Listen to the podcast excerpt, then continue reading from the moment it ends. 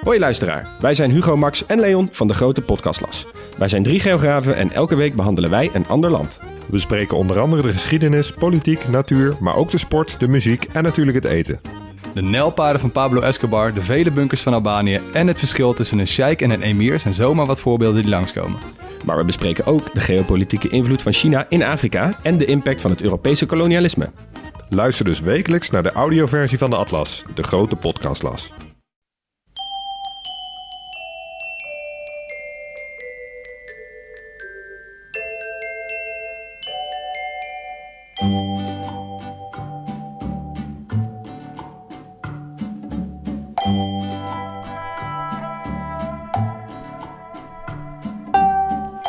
Welkom bij aflevering 172 van de Echt Gebeurd podcast. Waar waargebeurde verhalen worden verteld door de mensen die het zelf hebben meegemaakt. In deze aflevering het verhaal van Leontien de Grauw. Het thema van die dag was via internet.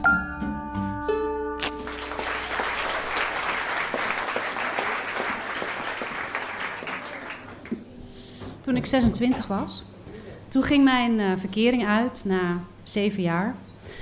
En uh, ik had het uitgemaakt. Het was moeilijk, um, maar ik wilde altijd al een keer langer naar het buitenland en dat kon nu. Um, dus um, ik zat in de bus op weg naar huis van mijn werk en ik zag een advertentie chaletstaf gezocht. Geen idee, maar het was uh, uh, een winterseizoen koken in een chalet in de Franse Alpen of in de Alpen. Ik was in die tijd vervent snowboardster. En um, ik kon Duits en Frans. En uh, ik ging wel vier keer per jaar uh, op uh, wintersport. En nou, dat koken, dat zou wel loslopen, dacht ik. Dus ik dacht, nou, dat is op mijn lijf geschreven. Mij op het lijf geschreven. Um, dus ik reageerde en ik werd aangenomen. En ik mocht kiezen tussen twee gebieden. Eentje in Zwitserland en eentje in Frankrijk. nou ben ik een ras twijfelaar. Uh, ik dacht de hele tijd al, kan ik wel goed genoeg koken? En kan ik als vegetariër wel uh, vleesmaaltijden bereiden? En uh, straks ga ik weer vlees eten daar. Um, en dan moest ik ook nog kiezen tussen twee gebieden die ik niet kende. En dat was een hele belangrijke keuze, want het moest wel een snowboardvriendelijk gebied zijn. Het moesten niet te veel van die smalle paden zijn, want dat was voor de suffe skiers. En het liefst ook iets van een schans of een halfpijp. Nou, ik had in die tijd twee vrienden, uh, Jeske en Milan. En die kende ik van, uh, van een snowboardvakantie. Uh, en ik ging dan met Jeske ging ik, golfsurfen in Scheveningen. En dan maakte hij stoere foto's van ons. En nou, een keer gingen we dan s'avonds wat drinken daarna. En ik vertelde hen mijn dilemma. En ik zei, ja, wat, wat zouden jullie doen? En zij wist het niet, maar ze wezen me wel op een snowboardforum. snowboard.com. Ik diezelfde avond nog inloggen. En uh, nou, er waren daar vier andere mensen. En even qua beeld, want dit is natuurlijk uh, 100 jaar voor Tinder. Um, er waren vier uh, anderen in de chatroom. En de chatroom was gewoon zwart. En dan met super pixelige poppetjes. En als je dan iets typte, dan kwam er een wit tekstballonnetje naast het hoofd van jouw poppetje. Um, nou, ik, ik, ging vragen van, joh, hi, hallo, uh, do you know Chatel or Krans Montana? Nou, niemand kende het. Um, en er was ook een James, maar dat bleek een Nederlander. Hij wist het ook niet. Maar hij was wel heel uh, gevat en grappig. En uh, we raakten aan het praten en we hadden echt een heel leuk gesprek. Maar goed, ik zou het de volgende dag nog een keer proberen. Um, dus ik de volgende dag weer inloggen. En oh, daar was die James weer. En nog vier anderen. Dus ik deed weer mijn rondje van hello, you... Nou, niemand kende het. Ik weer twijfelen, want ik dacht, ja, wat is dat eigenlijk voor gehucht waar ik naartoe gestuurd word? Want niemand kent het. En, uh, maar ik ging snel weer naar James.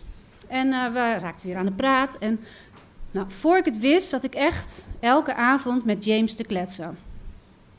En uh, we deelden elkaars diepste geheimen. En ik vertelde dan bijvoorbeeld dat ik uh, gepest was op de middelbare school. En dan reageerde hij heel schattig. En dan zei hij: Oh, ik zou ze allemaal met hun kop in de prullenbak zetten. En ik vond hem echt heel erg leuk. Intussen had ik trouwens gewoon gekozen voor Frankrijk. Uh, het dorp in Frankrijk, want uh, ja, mijn Frans was beter dan mijn Duits. En uh, ze hadden er ook gewoon kaasfondue, dus het was eigenlijk heel simpel. um, daarna namen James en ik echt een hele serieuze stap in onze online relatie. Wij stapten namelijk over naar MSN. En MSN is zeg maar ja, Facebook Messenger, maar dan zonder Facebook. Ehm, en ehm, ja, het liep ook echt wel de spuigaat uit. Want ik zat ook gewoon op mijn werk, zat ik gewoon, ja, ik weet niet wat voor uh, arbeidsnormen ik erop nahield, maar ik zat gewoon uren in de basentijd te chatten. Echt idioot. En, uh, oh, en het was ook tijd om foto's uit te wisselen. En je kunt het je nu echt niet meer voorstellen, maar ja, wij chatten dus echt al ruim een week of iets langer en we hadden elkaar nog nooit gezien. En mijn vriendin zei ook wel van, ja, wie is die knakker dan, joh? En dan zei ik, ja, nou ja, maakt niet uit, weet je. Chatten was gewoon hot en anonimiteit was heel gewoon. Um, maar goed, het was tijd om foto's uit te wisselen, dus dat gingen we doen. En ik was dan de eerste. Uh, dus ik had een foto gestuurd en ik zat heel zenuwachtig naar het scherm te staren, want ik was ook ja, bang dat hij niks zou sturen. Maar jawel, daar kwam iets. En het was een uh, gebruinde jongen. En dat zag ik omdat hij een uh, ontbloot bovenlijf had. En dat vond ik wel een beetje raar. En ik zag ook op de achtergrond zag ik iets van een airco. Dat ik dacht van ja, die heb je eigenlijk helemaal niet in Nederland. Het... Maar goed, weet je, misschien was die jongen... Ik dacht misschien is hij daar op die foto op vakantie in Spanje of zo. Dat kan. Goed chatten liep dus echt uit de hand en het, we bleven doorgaan. Maar het zat me ook niet lekker. Ook tijdens die chatsessies. En ik, ik had nog steeds geen antwoord op van ja, waar was die foto dan precies? En uh, waarom had je geen kleren aan? En ik, ik kreeg niet heel veel terug. En, en, sommige dagen dan dacht ik ook van ja, ik, weet je, ik laat het ook even. Dat vage gedoe van die gast. Um, maar ja, dan kon ik het toch weer niet laten. En dan, uh, ja, want ik, ik miste hem gewoon. Ik dacht ook op een gegeven moment uh, van, nou, uh, ik, ik, vraag gewoon door. Dus ik, ik bleef doorvragen en uiteindelijk biechtte hij op. Hij was niet de persoon op de foto. Dus ik boos. Dus ik zei, ik ga nu stoppen. Of je stuurt nu een goede foto, een echte foto.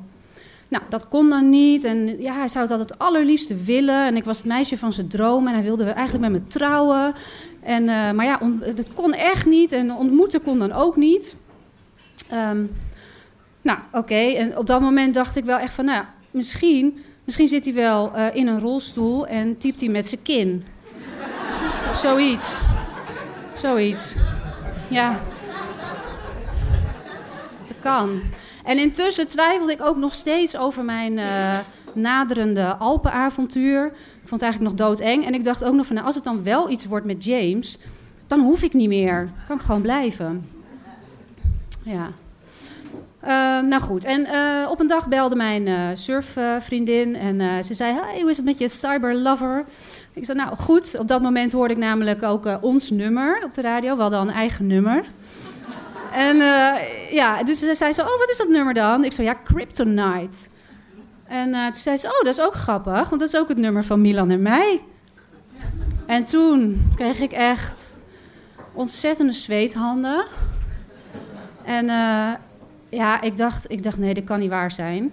En uh, ik dacht wel terug aan dat café dat we toen, waar we waren... en dat we toen zeiden van, nou, ik vanavond even op snowboard kom kijken, ja. En aan die keer dat hij dan foto's van ons maakte met het surfen, met zijn telelens. En uh, ook nog een keer dat Jeske zei van, ja...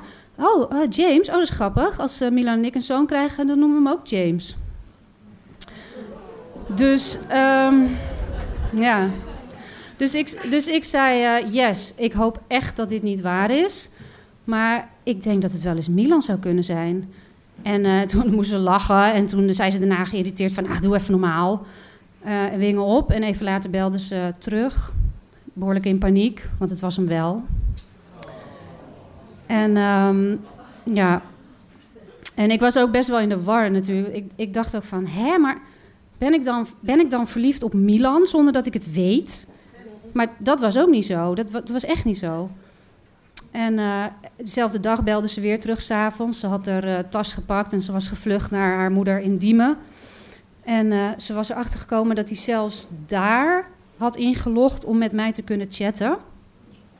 En, en, ze zei dat ze op dat moment bezig was om in te breken op, nou ja, wat later bleek zijn fake Hotmail-account. Nou, de twijfel over Frankrijk die was wel in één klap weg bij mij. Ik dacht, uh, weg hier.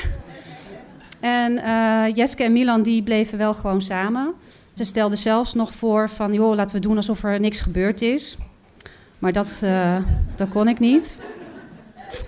En um, ik weet nog steeds niet hoe het nou echt zat. Of het nou echt een ja, uit de hand gelopen grap was. Of nou, dat hij echt verliefd op mij was. En eh, ik heb ze ook nooit, eh, nooit, meer, ik heb nooit meer contact met ze gehad. Ik zag wel op Facebook laatst eh, dat ze inmiddels wel uit elkaar zijn. Gelukkig maar. en eh, mijn eigen vriend nu, die, eh, die heb ik ook gewoon eh, online gevonden. Dankjewel.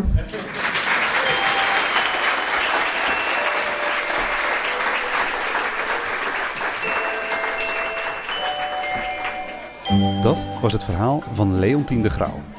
Echt gebeurd wordt iedere derde zondag van de maand opgenomen in Toemler onder het Hilton Hotel in Amsterdam. En zoals altijd zijn we geïnteresseerd in nieuwe vertellers en geweldige verhalen. Dus voel je je aangesproken? Meld jezelf of een ander aan op info.echtgebeurd.net. En mocht je nou aan deze verhalen geen genoeg hebben, ga dan vooral eens kijken bij onze zuidenburen van Relaas. Relaas is niet alleen een podcast, je kan ook elke maand in Gent en Antwerpen een liveshow meemaken. Kijk vooral op relaas.be voor meer info. De redactie van Echt Gebeurd bestaat uit Micha Wertheim, Rosa van Toledo, Paulien Cornelissen en ikzelf, Maarten Westerveen. Productie Eva Zwaving. De techniek is in handen van Nicolaas Vrijman en Gijsbert van der Wal. Dat was het. En als je nou zelf ook graag anoniem met de beste vriendin van je vriendin wilt chatten, investeer in elk geval in een goede profielfoto.